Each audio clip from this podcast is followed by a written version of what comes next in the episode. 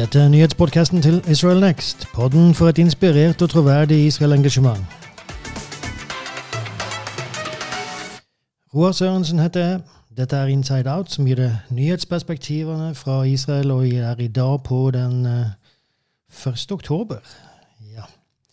Og eh, tida di er dyrebar, så vi går rett på sak. Og uh, det vi skal snakke om i dag, det er Skal vi se FN Eh, der har både Bennett, eh, Naftali Bennett, Israels statsminister, og eh, Abbas, leder for det palestinske selvstyret, vært. Og vi skal snakke litt om hva de sa der borte. Vi skal snakke om Khan al-Ahmar, som du kanskje har glemt navnet på, men det er en beduinsk Skal vi kalle det for noe? Shanty village, altså en liten landsby i utkanten av Jerusalem på vei til Jeriko, som er ulovlig, og som egentlig skal forsvinne. Skal, folket der skal kastes bort og bosettes et annet sted. Eh, vi skal komme tilbake til hele storyen. Eh, vi skal snakke om eh, operasjoner som den israelske armeen gjør i eh, Judea Samaria nå, fordi at eh, terrorinfrastrukturen og terrorister er veldig aktive de siste ukene og månedene. Eh, vi kommer også inn på en sak som har med jøder som har angrepet arabere utenfor eller sør for Hebron. Så har vi en koronaoppdatering. Vi har arkeologi, der vi skal snakke om Sodoma. Og vi har Parashat Hashavua, ukens Toralesning. Så la oss gå til eh, FN. Og um, det er ikke sikkert at dere, den, du som lytter, har fått med så mye om hva Bennett sa der. Hvis man ikke følger med på israelske nyheter, så var det ikke veldig mye som ble sagt om det internasjonalt, eh, og noe som igjen da blir lagt veldig merke til i Israel. For eh, når Netanyahu talte i FN, så ble det veldig ofte lagt merke til, og det var direktesendinger på veldig mange internasjonale kanaler, i tillegg til i Israel. I Israel så sendte de jo så klart eh, hans tale direkte, men det var ikke så mye ellers. Og det har litt å gjøre med forskjellige faktorer, bl.a. at det var tidlig på morgenen. Eh, det vil si, i USA var det tidlig på morgenen. Eh, så eh, vi skal komme litt tilbake til det. Men for, for, du som ikke har fått med deg hva han snakker om, så skal jeg bare fort gå igjennom, eh, dele opp hans tale her. Han begynte med å snakke om Israel, Israel som et uh, beacon, altså som et fyrtårn, eh, som, som, står der og liksom et Orla Goyim, som det heter på hebraisk, et uh, lys for hedningene. Eh, og eh, bare slo fast at det, det, det, er det som er Israels kall. eh, på en måte. Deretter gikk han over til å si det at israelerne basically så sa han, israelerne er normale folk. For han sa det på denne måten her. Israelerne våkner ikke opp på morgenen og tenker på konflikten.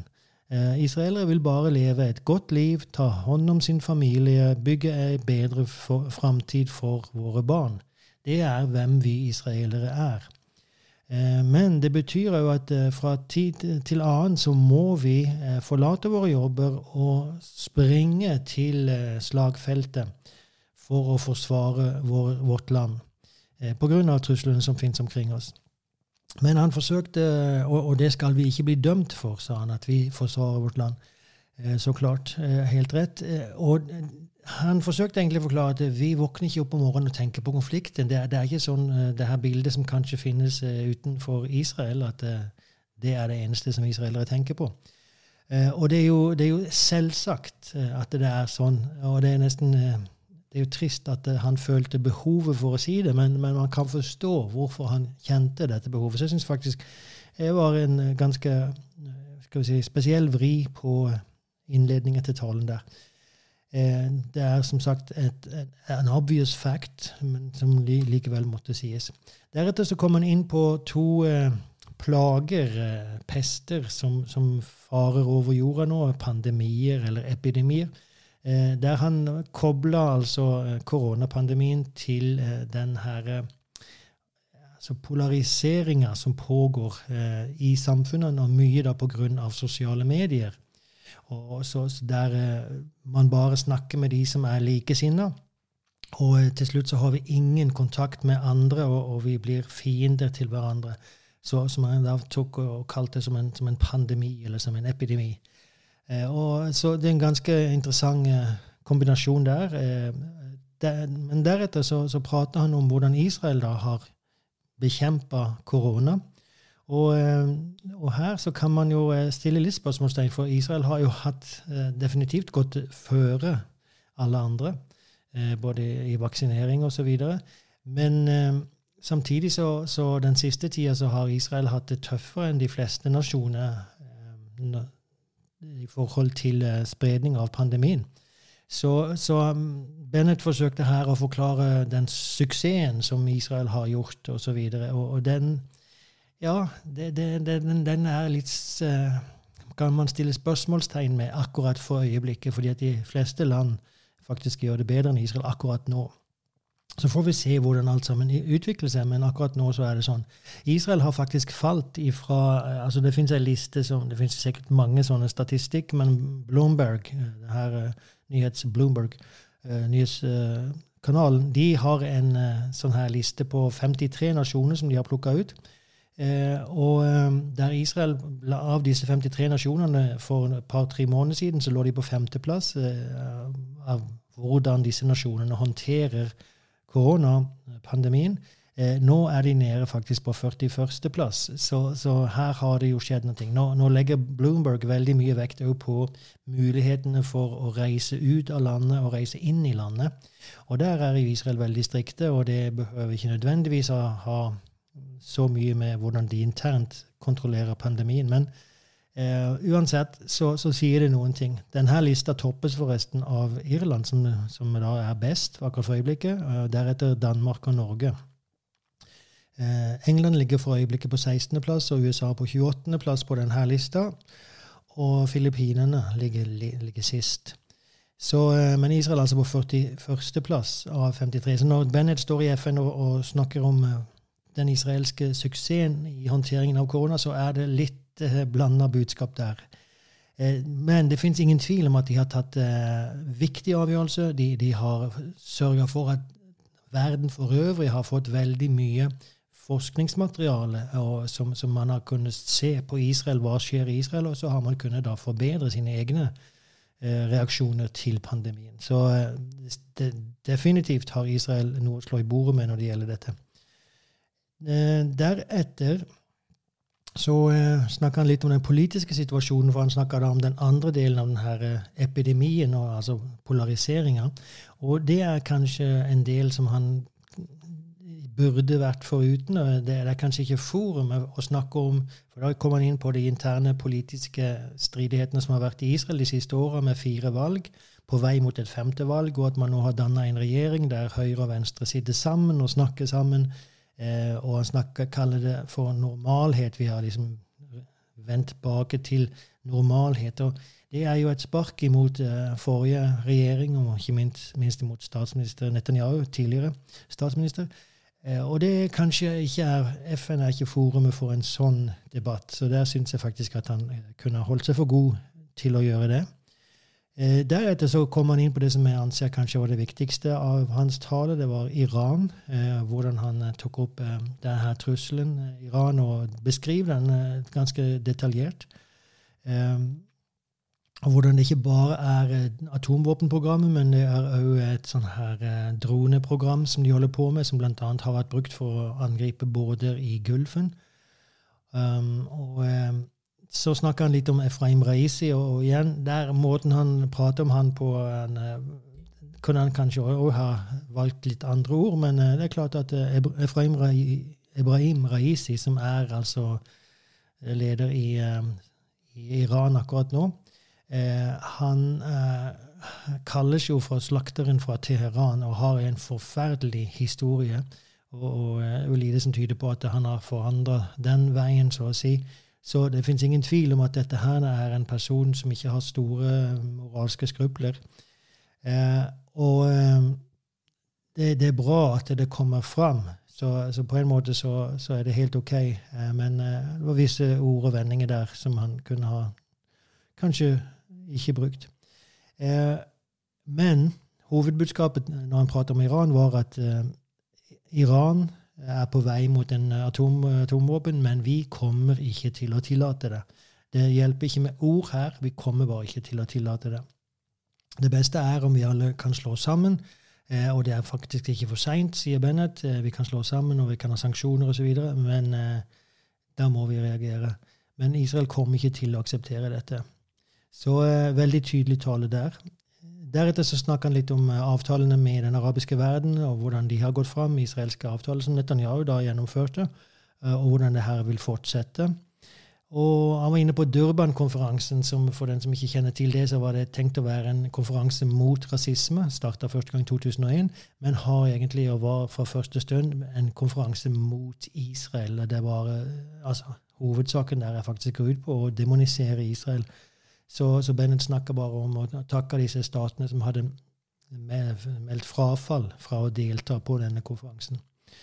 Til slutt så avslutter han igjen da med at Israel er et, et fyrtårn, eh, og et, eh, et, lite lys kan, eh, kan tvinge bort veldig mye mørke. Og Israels lys skinner sterkere enn noen gang. Det var eh, hans tale sånn i korte drag. Eh, det var jo tross alt 25 minutter.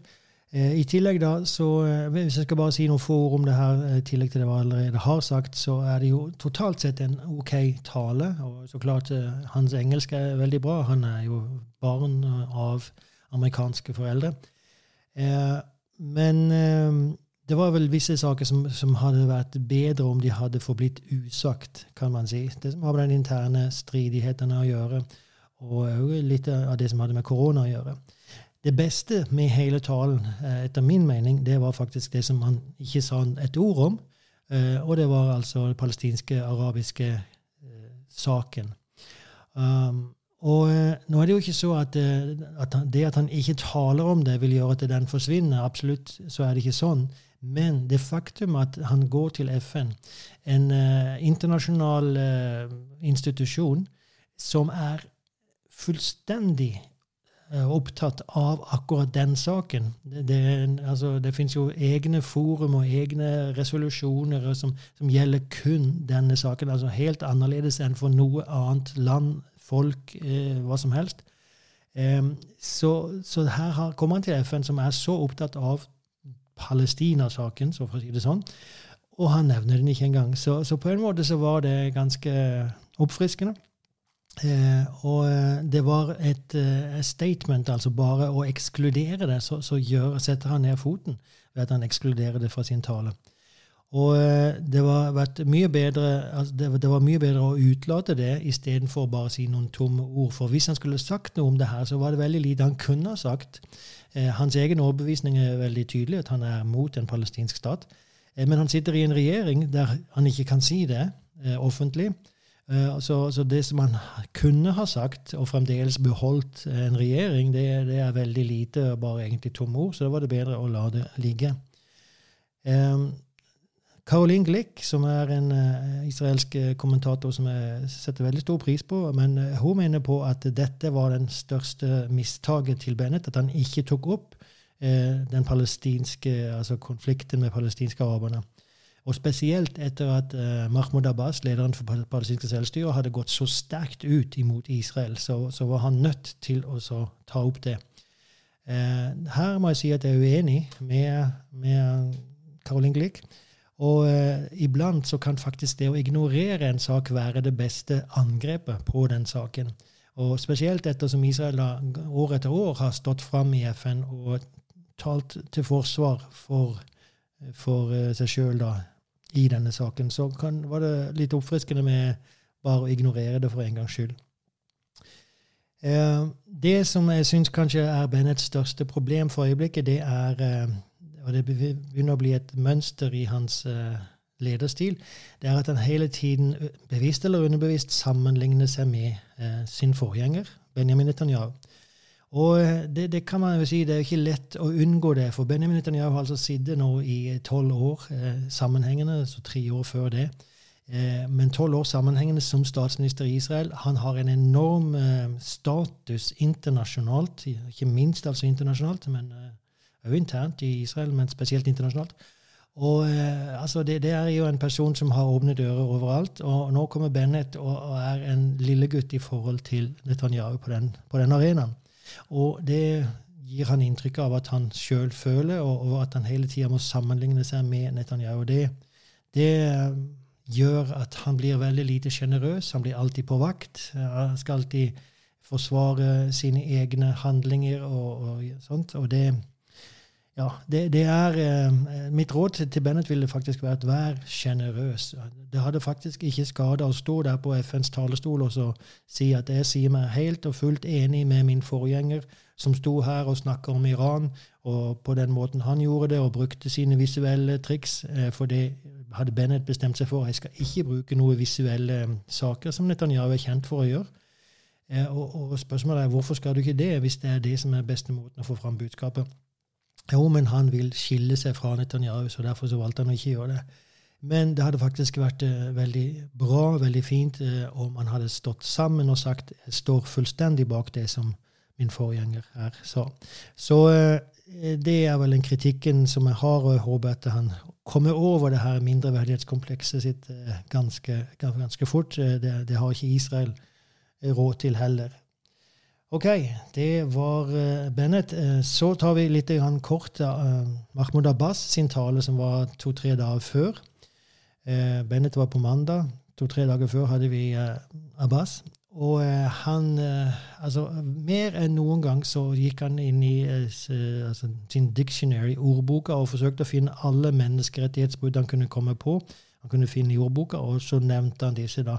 Og anklager da Israel for etnisk klensing, kolonialisme, okkupasjon, apartheid, massakrer, kollektiv avstraffing, rasediskriminering, landtyveri, blokade Altså alt du kunne tenke deg, tok han og henta ut og anklaga Israel for alle disse tingene. Eh, men det er ganske vanlig, selv om den lista var kanskje lengre enn noen gang.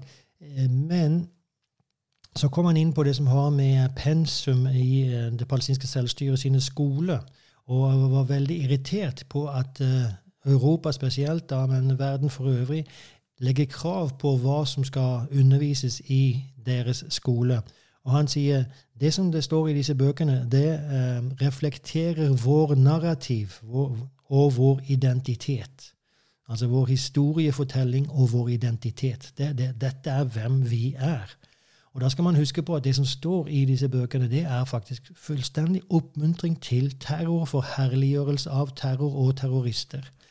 Um, så uh, det må jeg si at hvis, hvis, det, hvis dette er sant og nå sier han jo det sjøl, ettersom, ettersom, dette er sant, dette er vår identitet, da gir han sjøl det beste argumentet mot en tostatsløsning. For uh, en, sånn, uh, en stat med en sånn identitet Eh, det vil være en katastrofe i eh, denne regionen, og i enhver region, men ikke minst i denne regionen. Så eh, det som skjedde etter hans tale, da, som ble sendt på videolink Naftali Bennett var jo til stede rent fysisk, men Abbas sendte en, en video. Etter talen så de representantene som var til stede da, de applauderer. Ingen stående ovasjoner, men en høflig applaus. Det de burde ha gjort, var jo under denne talen å gå, forlate salen i protest. Eh, for når han sier at dette er vår identitet, altså terrorisme er vår identitet, da burde hver og en ha, forlatt salen. Men så lenge FN er så preoccupied, så, så opptatt av denne saken, og liksom setter den først og eh, gir eh, de palestinske araberne så mange frikort på så mange arenaer, så lover det intet godt for framtida, og spesielt ikke for de palestinske araberne sjøl. Så lenge Mahmoud Abbas med en sånn tale får applaus fra verdens nasjoner, så er det synd på de palestinske araberne, som kommer til å fortsette å leve under et regime som uh, utdanner deres barn med et hat, uh, med, med konflikt. Ingen framtid i det hele tatt. Så veldig trist å, å se akkurat den saken.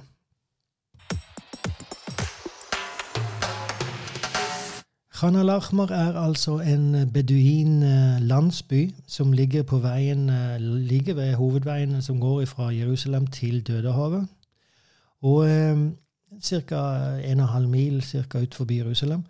Og den er ulovlig. Denne byen er bygd eh, ulovlig. Og det fins flere rettskjennelser, inkludert en høyeste rettskjennelse på at denne landsbyen må flyttes. De må kastes ut derifra. Eh, men sa da Høyesterett at den israelske regjeringen må samtidig gi dem en annen alternativ plass. Og det har israelske regjeringer gjort. De har bygd eh, faktisk infrastruktur for, eh, som, som, er liksom ti ganger bedre enn den plassen de har nå. Med alt mulig eh, av eh, ja, Koster på millioner, titalls millioner for å forberede infrastrukturer for å flytte disse her 500 personene. Eh, men de nekter, og ikke minst pga. det at det palestinske selvstyret da nekter. Og eh, da så har det her pågått i eh, faktisk mer enn ti år. Den er fram og tilbake, men så kom høyesterettsavgjørelsen for noen år siden. Men hver gang så har regjeringa bedt om utsettelse på å flytte disse. For hver gang det kommer opp på tapeten, så blir det et stort eh, internasjonalt uh, altså fordømmelse av Israel, eh, som vil eh, flytte på disse beduinene. da. Eh, og det finnes um, flere organisasjoner, inkludert med støtte av EU, som sier at hvis Israel gjør det, så kommer de til å ta hele den saken til domstolen i Haag. Og Israel er ikke så veldig interessert i det, så Benjamin Netanyahu har gang på gang utsatt uh, flyttinga av denne, disse beduinene. Og nå da så har òg den nye regjeringa bedt om et halvt år, og fikk da forrige uke, eller denne uka her, fikk de avgjørelsen om at de får et halvt års utsettelse. Men, sier da dommeren eh, Solberg, det var tre dommere som satt på det her, to av de sier at eh, det her er siste gang. Det går ikke bare å forflytte det her. Vi har tatt en avgjørelse. Nå må dere se til å, å gjennomføre den, komme til enhet med beduinene, eller gjennomføre avgjørelsen. Så den, den, tredje av disse dommerne var araber sjøl, og han var ikke enig i den uttalelsen. da. Eh, men eh, denne stammen, da, eller, eller klanen, eh, det er eh, jahalin, beduiner. Eh, det, er, det, er, en del av en stor stamme, eller klan, som, eh, der alle andre familier i denne klanen de bor inne i selve Israel, og det er bare denne familien, som kalles Abu Dahuk, det er den familien som bor eh, utenfor Israel, altså eh, det anerkjente Israel. De bor jo i Judea Samaria, mens de andre bor inne i selve Israel. Og det som de nå krever, denne familien Abu Dahuk, de krever da israelsk medborgerskap. Hvis dere skal flytte på oss, så krever vi å bli flytta inn i Israel å få israelsk statsborgerskap, og til og med krever de da altså såkalt Aliyah-pakke. Når en, jøde gjør Aliyah, så får han en viss økonomisk eh, kompensasjon eller, eller pakke. Og det krever òg denne stamme, eller klanen her, da. Og man har gjort forhandlinger via Mansour Abbas, som altså sitter i regjeringa, eh, så å si, eh, fra Ram, det arabiske Ram-partiet. Eh, de har tidligere blitt tilbudt eh, å få bo i Israel, ikke statsborgerskap, men permanent eh, residency. Altså de kan bo der permanent, men ikke statsborgerskap. Det har de blitt tilbudt av Netanyahu, men de vil ha fullt statsborgerskap. Det finnes områder som er planlagt for hvor de kan flytte til. Et område er nær Arad, men det finnes flere andre. Men det israelske myndigheter er redde for, det er at dette kan sette en president. altså en sånn, eh, Det her blir standarden for hvordan andre beduiner òg vil behandles. De vil òg flyttes da inn i Israel for israelsk statsborgerskap. Og Derfor så er man veldig på vakt mot å gjøre en sånn sak. Eh, det palestinske selvstyret har jo for, forhindra enhver avtale så langt. Og det eneste som de skulle kunne gå med på De, de ville ikke gå med på at de skal flyttes noe sted. For, eh, for, for, det palestinske selvstyret sin del så er den strategiske plassen som de beholder akkurat nå, den er enormt viktig, for den ligger mellom denne trekanten av byene Ramallah, Betlehem og Jeriko, som alle er uh, under det palestinske selvstyret. Og denne Khan al-Ahmar gir de en slags kontinuitet eh, territorielt. da. Så, så, de er imot å flytte på dem. Men hvis de skulle flytte, så er det eneste kompromisset de skulle kunne tenke seg, det er at de får flytte inn i Israel og bli statsborgere. For det er i så fall òg en seier, og da, da, ser det palestinske selvstyret det som en sånn her standard som blir satt for fremtidige eh, oppgjør med beduiner. Så eh, Jahalin, en, en klanleder der, han uttalte seg anonymt, fordi at de er, jo, de er faktisk redde for det palestinske selvstyret.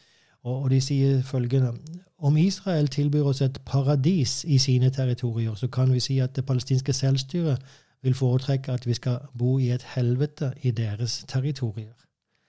Eh, så, og det er jo faktisk det som er sannheten. Eh, det palestinske selvstyret vil de skal få bli i det her eh, faktisk veldig dårlige kår der de bor.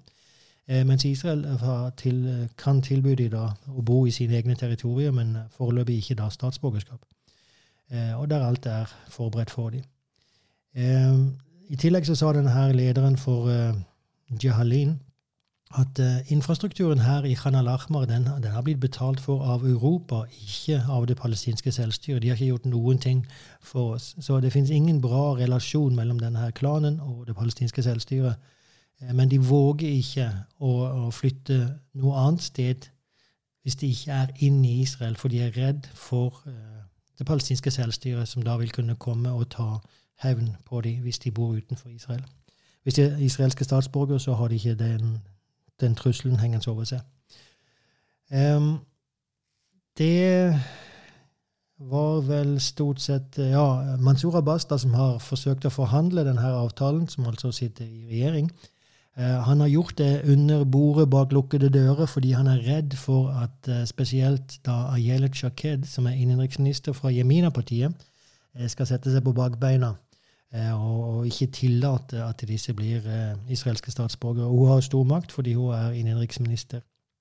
Så eh, det finnes en intern sak som pågår der i den israelske koalisjonen. Begge disse, altså Yelet Shaked og Mansour Abbas, sitter i, i denne koalisjonen. OK, det var Khan al-Ahmar. Det har uh, vært en stor uh, intensivitet på det området som har med terror å gjøre i uh, Samaria den siste tida. Og vi har jo allerede hatt flere tilfeller der israelske soldater Det her pågår jo nesten hver dag eller hver natt, kan man si, at israelske soldater går inn i en eller annen by, landsby i det palestinske selvstyret eller i eh, B-områder, C-områder, eh, B-områdene spesielt, og, eh, og henter da terrormistenkte eller gjør aksjoner der. Men det har gått, uh, blitt mer intenst de siste ukene. Og det har å gjøre med at Hamas forsøker febrilsk å gjennomføre terrorangrep. Så denne uka som har gått, så har det vært store operasjoner uh, samtidig. Uh, flere netter på rad i Bidou, som ligger rett faktisk på grensen til Israel, ikke så langt ifra Abu Ghosh, eller ja, Abu Ghosh, rett utenfor Jerusalem. Eh, og eh, Burkin, Jenin, eh, altså operasjoner som IDF går inn, og der de også samarbeider da med Mistaravim, som de heter, som altså er israelske soldater utkledde som arabere. Som da kan smelte inn og slå til i rett øyeblikk mot terroristene. da. Fem terrorister ble, ble, drept denne uka i disse forskjellige clashene fordi at de åpner ild eh, mot israelske soldater. En var faktisk ble, ble drept på grensen fra, mot Gaza. Det var en ganske unik situasjon, det som skjedde der. Eh, men i alle fall totalt fem stykker. da. Eh, to soldater ble alvorlig skada. Én eh, fikk faktisk ni kuler i kroppen. Eh, men han kommer til å overleve, og eh, det, det, var nesten et mirakel, bare det. Men et annet mirakel som var med han, det var at en av disse kulene òg traff eh, en håndgranat som han hadde i sin vest. Og det har skjedd før, at kuler har treffet håndgranater, og de eksploderer jo. Men etter det tilfellet som da det skjedde for noen år siden, så har israelske forskere de har funnet fram en ny eh, utvikla en ny håndgranat som ikke eksploderer selv om den skulle bli truffet av en kule. Så han hadde denne helt nye typen håndgranater, og ellers, eh, ellers skulle faktisk ikke han vært i live akkurat nå. Så det er eh, masse sånne ting som pågår. Eh, den her terrorcella, som, spesielt ei terrorcelle som de nå eh, demonterer fullstendig, eh, den hadde forberedt store terrorangrep, bl.a. i Jerusalem. Så eh, Kochavi, som er eh, høyeste leder, altså stabssjef for armeen, han, eh, han gikk til familien til disse soldatene som hadde blitt skada, og snakka med de, og han sa eh, til de og soldatene så sa han, se, se på folk som går omkring på gatene her ute. Eh, deres operasjon som dere gjorde, dere vet ikke hvem av disse livene her som dere har redda. For nå ble det faktisk avverga flere større terrorangrep. Og, og, det er jo perspektivet man må sette det hele i. I tillegg så har det vært flere andre terrorangrep med, med kniv, knivstikkingsangrep i Jerusalem og uh, skyting i Jenin osv. Så, videre. så det har vært en uptick i terrorisme. Dette skjer samtidig som uh, noen bosettere og andre som har slått seg sammen. og det, det virker som at de fleste av disse som var i denne gruppa, ikke er bosettere, men har kommet fra andre deler av landet, som er faktisk jødiske ekstremister, eh, gikk til angrep på arabere. Eh, og da snakker vi om utenfor eller sør for Hebron. Eh, utenfor jødiske bosetninger der, som, som heter Avigail, Chavat Maon. og disse araberne bor i Al-Mufakara. og det er en illegal arabisk landsby de har bare tatt over mark der, og faktisk den saken er òg i Høyesterett nå. Den, de har liksom blitt eh, nekta sin å bo der i lavere retter, men nå er den kommet til Høyesterett. Lite som tyder på at eh, de skulle få medhold der. Eh, så de bor der ulovlig. Eh, men uansett så har det vært clash eh, mellom disse her og bosetterne flere ganger, der araberne har gått til angrep på, på bosetningene. Det skjer, det skjer, jo på en daglig basis, om ikke nødvendigvis fra denne arabiske byen.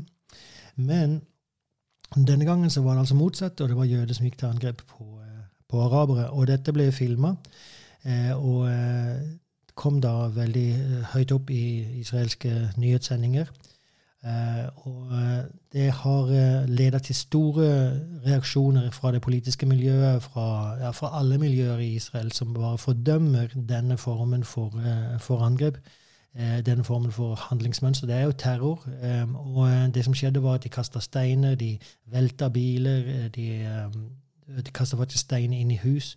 Og en fireåring ble skada i hodet. Så han, han, kommer til å overleve, men han, han, ble tatt til et israelsk sykehus og får behandling der. Så, så det her var skikkelig Altså, det er terror, for det er mot, mot sivile. Spiller ingen rolle om de er der ulovlig. Eh, derimot så, Det vi ser på, på, disse videoene, det er bare disse jødiske angrepene stort sett. Det, det var eh, også gjensvar fra arabere. Og hvordan det hele begynte, det vet vi fremdeles ikke. Men politiet etterforsker dette. Eh, Lapid, som er utenriksminister, Jair Lapid, han sa at det, denne voldelige incidenten er forferdelig. Det er terror. Dette er ikke Israels vei. Dette er ikke jødiske veien. Vi har et ansvar for å bringe disse til domstolen. Eh, så eh, politiet holder allerede på. De har allerede arrestert seks av disse som deltok, eh, pluss en araber. Og det her kommer nok til å få et, et langt etterspill. Det siste som har litt med dette å gjøre, som terror, men i alle fall konflikter jøder og araber, det er israelske arabere. Og det er at to av ti israelske arabere definerer seg som israelske arabere. Og eh, for mange så er det et sjokk. For spørsmålet er hva er alternativet? Alternativet er palestinere. Eh, og det fins veldig mange, spesielt i våre land, Europa, som sier at hvorfor kaller dere de israelske arabere, hvorfor kaller dere de arabere, de er palestinere. Men faktum er at de sjøl, to av ti israelske arabere, vil defineres som israelske arabere og ikke som palestinere. Eh, og det, det er eh, veldig interessant, for det, det viser eh, litt veldig mye om hvor deres identitet ligger. Og det viser veldig mye om dette med at den palestinske identiteten ikke er en historisk identitet, ikke er noe som går stikker veldig dypt. Eh, så eh, det, det, var en ganske interessant eh, observasjon der. Det er bare 19% som definerer seg som palestinere. Nå snakker vi altså om israelske arabere. Arabere som bor i Israel, har israelsk statsborgerskap. så er det altså 19 definerer seg som palestinere, men to av ti, 80 definerer seg som israelske arabere. Det er også et økende nummer av israelske arabere som deltar og går inn i enten armeen eller i det som kalles for nasjonaltjeneste, ja, som istedenfor militærtjeneste. Og veldig få arabere, israelske arabere snakker åpent ut om dette fordi at disse 19% av blant de så finnes det ekstremister som er villige til å ty til vold mot de som identifiserer seg for sterkt med Israel. Eh, så det har vært flere angrep på israelske arabere som, eh, som sier at vi er israelere, og vi tror på denne staten. Så eh, det, det pågår en en eh, utvikling i det israelske arabiske samfunnet. Og den uh, trenden her er jo da veldig positiv.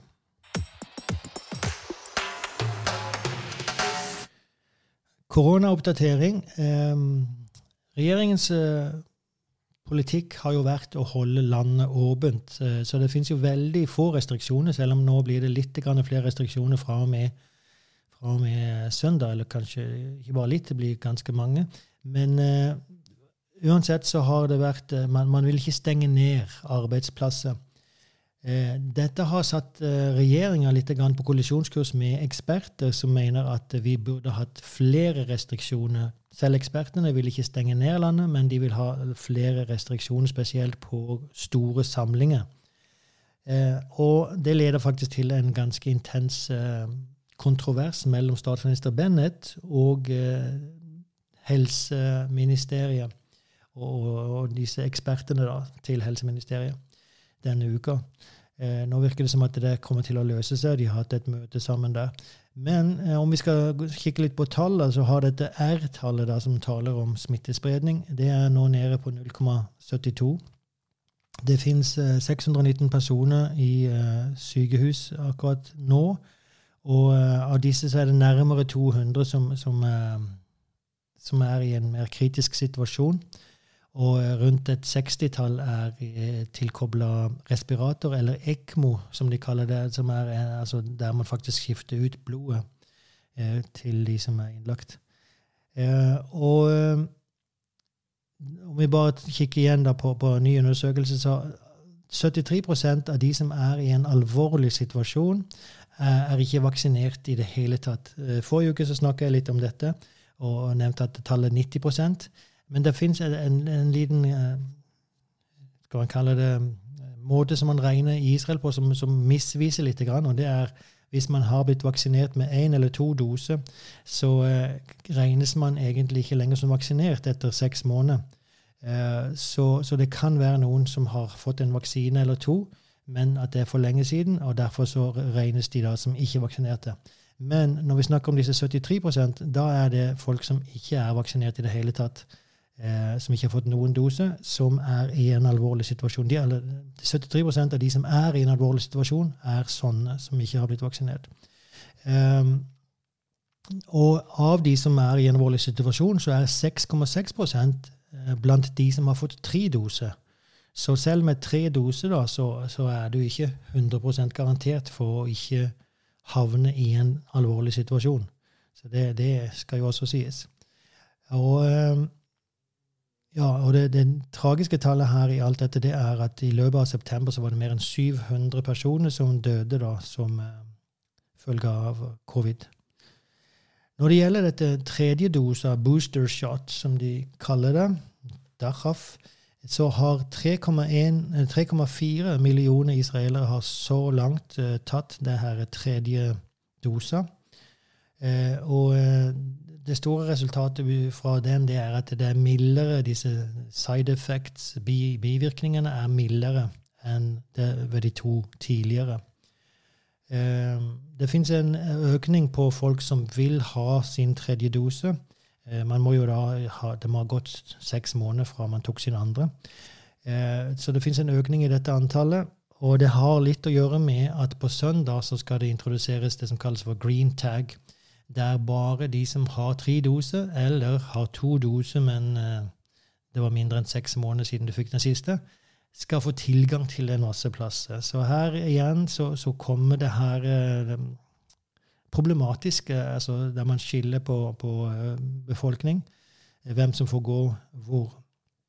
Um,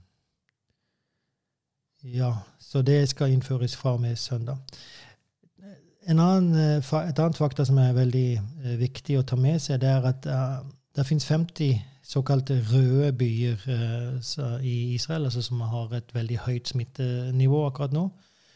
De 40 øverste av disse er alle arabiske byer.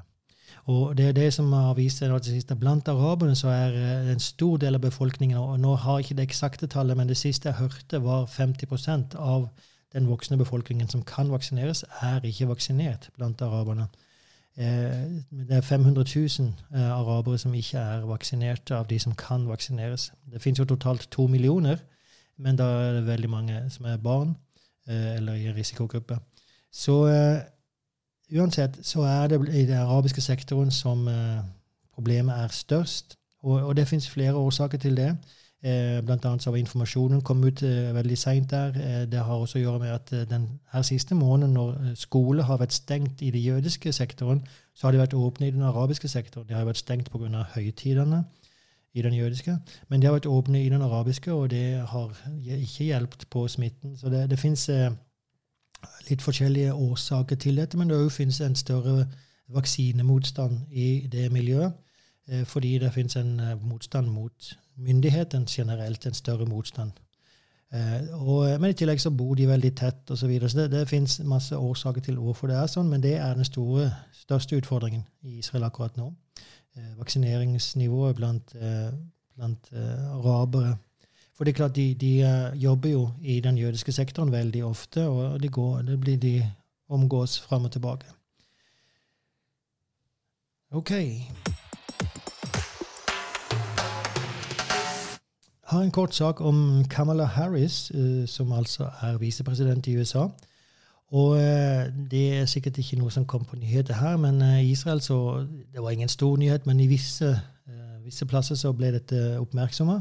At Kamala Harris var på en skole, jeg husker ikke eksakt hvor det var, et sted i USA, Eh, der eh, en elev, Hun snakka med elevene, og en elev da anklagde Israel for etnisk, etnisk genocide, altså etnisk folkemord. Det var uttrykket hun brukte. Og Kamala Harris står der da og liksom lytter og nikker.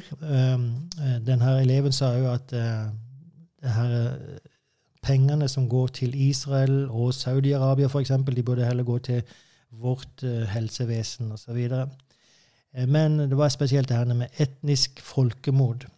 Og Harrys uh, respons til det her var uh, Jeg er glad for at du uttrykker ditt syn. Og dette er jo Dette er Jeg oversetter fra engelsk her. Det, det, faktum at du kan tale åpent ut, og at du kan få fram ditt perspektiv, din erfaring, din sannhet, det må ikke trykkes ned. Det må få bli hørt. Ikke sant? Eh, det er jo en av de sakene vi kjemper for i et demokrati. Ikke sant?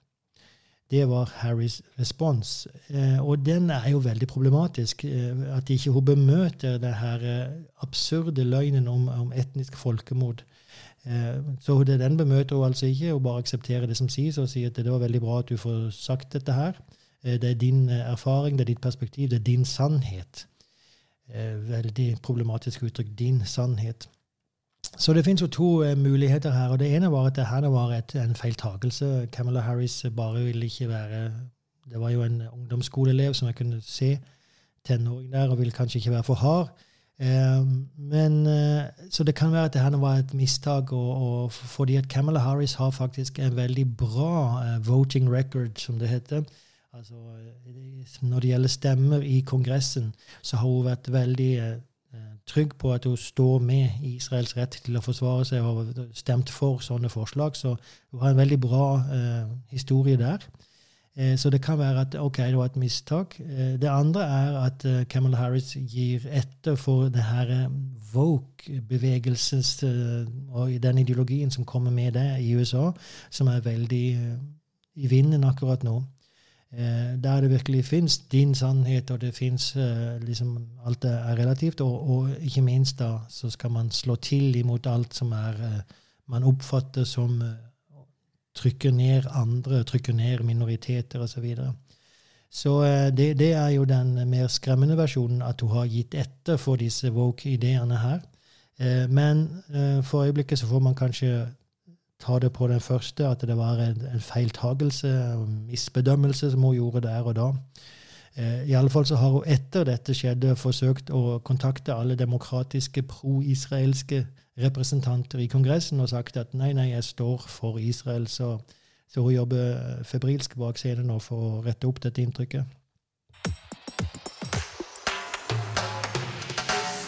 Arkeologi, eh, og da skal vi til Itamar, som er i Samaria, ikke så langt ifra Nablus, det bibelske Sikhem. Eh, og der har det pågått utgravinger, og man har funnet bl.a. en mynt som ble minted, eh, ble lagd i, i, Tyrus i Libanon, det som i dag er Libanon, eh, i andre halvdel av andre århundre før Kristus, altså 100 til 150, eller 150 til 100, man må regne det den veien, da må det være før Kristus. Eh, der så ble denne her mynten lagd i Tyrus. Det er altså hasmoneiske tiden, det er hasmoneiske dynastiet, altså jødisk dynasti, som hersker i Israel eh, før romerne da kommer i år 63 eh, før Kristus. Men eh, her, i tillegg så har man funnet en masse eh, eller en strukturbygning fra andre tempeltiden. Eh, man fant en sisterne som var fullt av forskjellig slags eh, utstyr, bl.a. kokekar. man fant en olivenpresse og et mikve, altså rituelt bad. I tillegg så fant man òg en mynt fra det tredje århundre etter Kristus, eh, som hadde blitt eh, mynta, altså lagd i Nablus. Og på den så var det bilde av Gerizim-fjellet.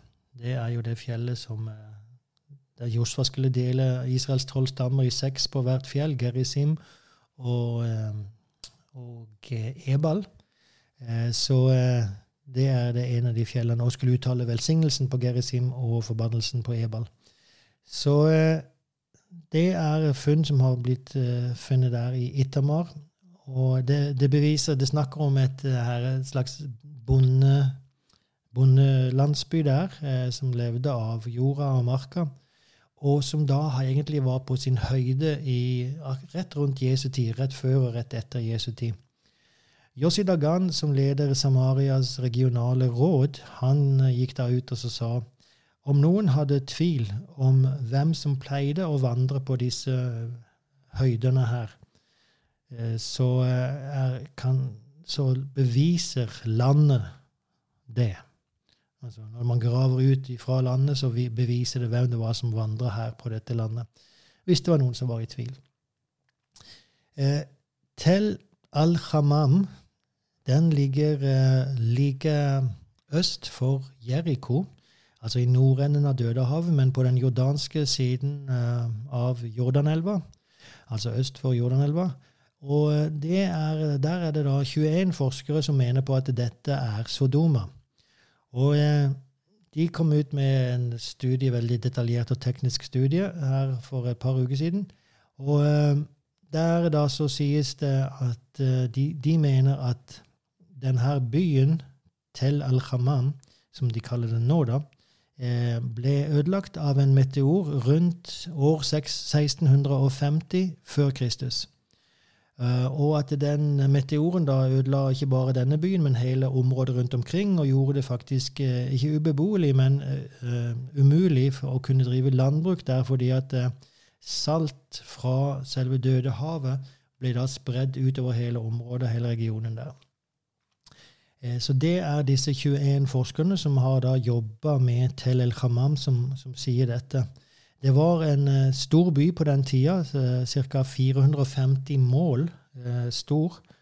Og uh, ble altså ødelagt sammen med masse andre mindre byer rundt omkring.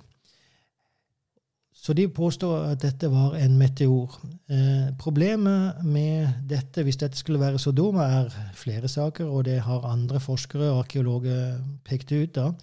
Eh, så kronologi er en av de. For hvis, eh, hvis plassen er rett, og hvis dette er Sodoma, og hvis dette er det som Bibelen snakker om, så er vi en 300-400 år eh, for seint ute. Eh, for ifølge Bibels kronologi så må du 300-400 år tidligere for å finne denne hendelsen. Så eh, Robert Mullins at uh, Azusa Pacific University han uh, sier da at dette kan nok ikke stemme. Han er ekspert på keramikk og datering etter keramikk og har kikka på keramikken som de har funnet der. Og han sier det finnes jo enormt mye keramikk som de har funnet, men den er altså fra 1600-tallet. Og det er altså for seint. Så det som han sier, er at de lar ikke funnene få tale for seg sjøl, men de forsøker å, å bestemme på forhånd at dette er Sodoma, og så forsøker man å passe alle funnene inn etter det. En Annen, eh, et annet eh, argument mot at dette er Sodoma, er uh, plasseringa. De fleste forskere mener jo på at Sodoma ligger i sørenden av Dødehavet. Og da har man en, faktisk en liten konflikt eller et, en utfordring i forhold til Bibelen. For uh, du har uh, altså Første Mosebok 13 mot Første Mosebok 18. I uh, Første Mosebok 13 så har du Abraham og Lot som kikker ned på Sodoma. Og det virker som at de på det tidspunktet står et eller annet sted rundt Betel, Ai, som altså ligger nord for Jerusalem, nord for Dødehavet. Og, og, da passer denne eh, plasseringa som til al-Khamam.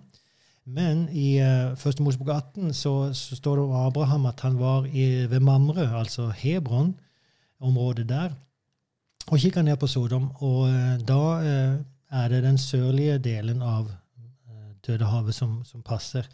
Så, så er spørsmålet kunne man stå et eller annet sted der man så sørenden både fra Betel-Ai-området og, og, og, Hebron, eller kunne man se den nordlige enden? Der har man eh, litt uh, utfordringer å løse.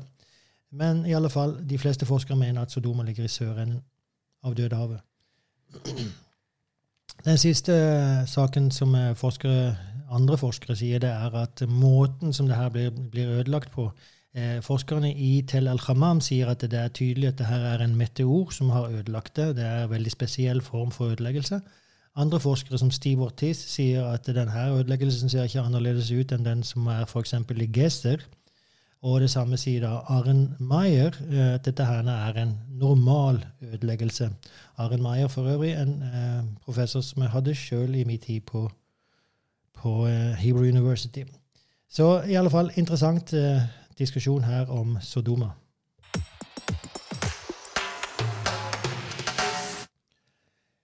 Da eh, kommer vi til Parashat Shavua, som denne gangen er fra Første Mosebok 1.1 til 6.8, Bereshit. Navnet betyr altså 'i begynnelsen'. Og alle navnene på disse ulike delene hentes jo ifra det første, eller et av de første ordene i den ukas lesning. Eh, her så er det definitivt det første ordet, Bereshit, bara Elohim. I begynnelsen, Bereshit. Eh, om vi skal bare summere hva den handler om, så handler det om så klart Gud skaper verden på seks dager. Hviler på den syvende, som han kaller shabbat. Skapelsen av mennesket blir da beskrevet i mer detalj etterpå. Eh, vi har historien om eh, Edens hage.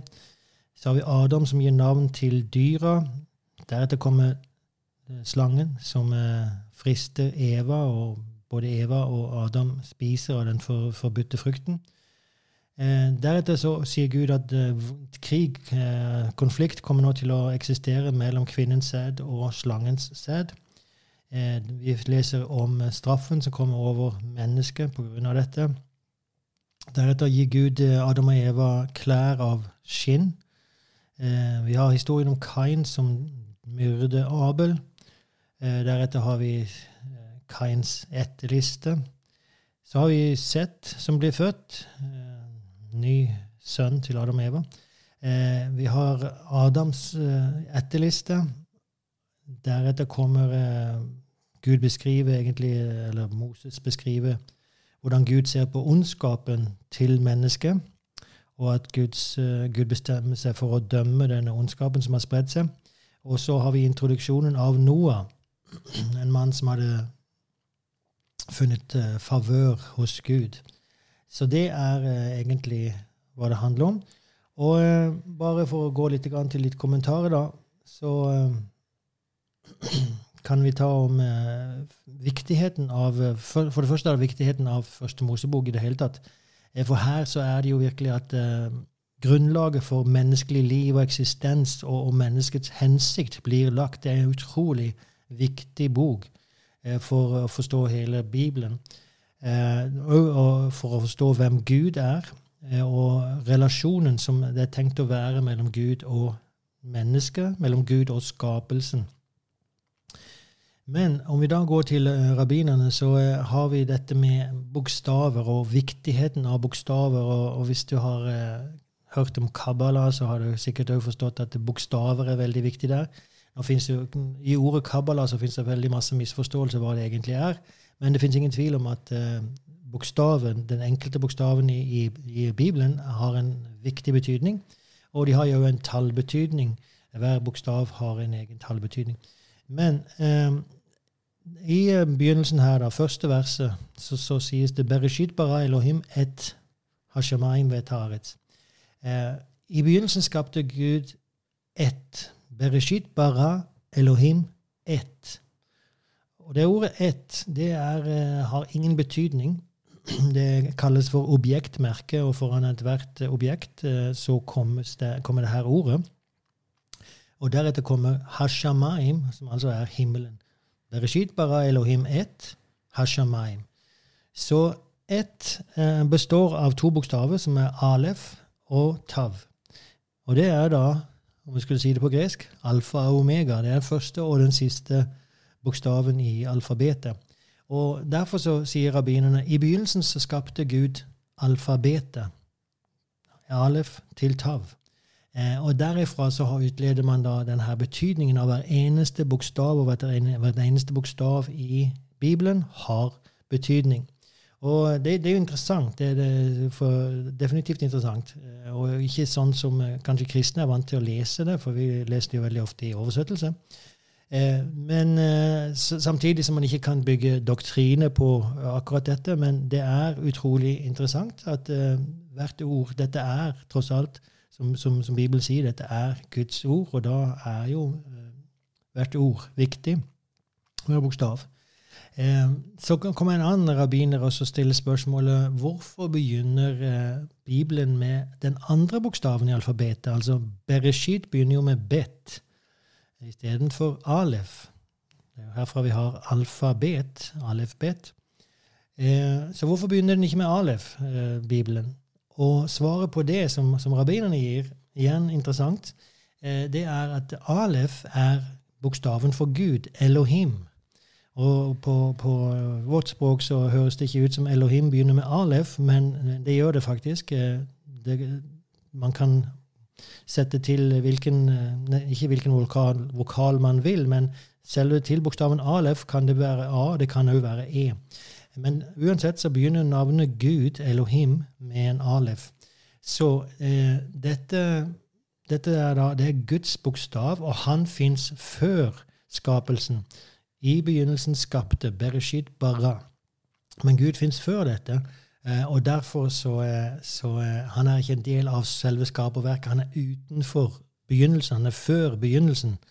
Så jeg syns jo det var ganske interessant eh, Det stemmer jo rent teologisk eh, med hva vi vet om Gud. Så interessant måte å, å si det på.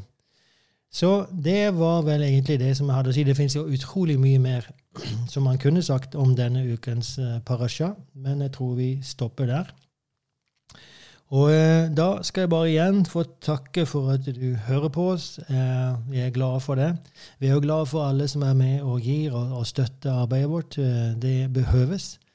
Og eh, det kan du gjøre via VIPS hvis du vil. Eh, da finner du oss der, Israel Next. Da skal jeg bare avslutte med å uttale velsignelsen over Israel. Yavarechecha Adonai v'yishmerecha.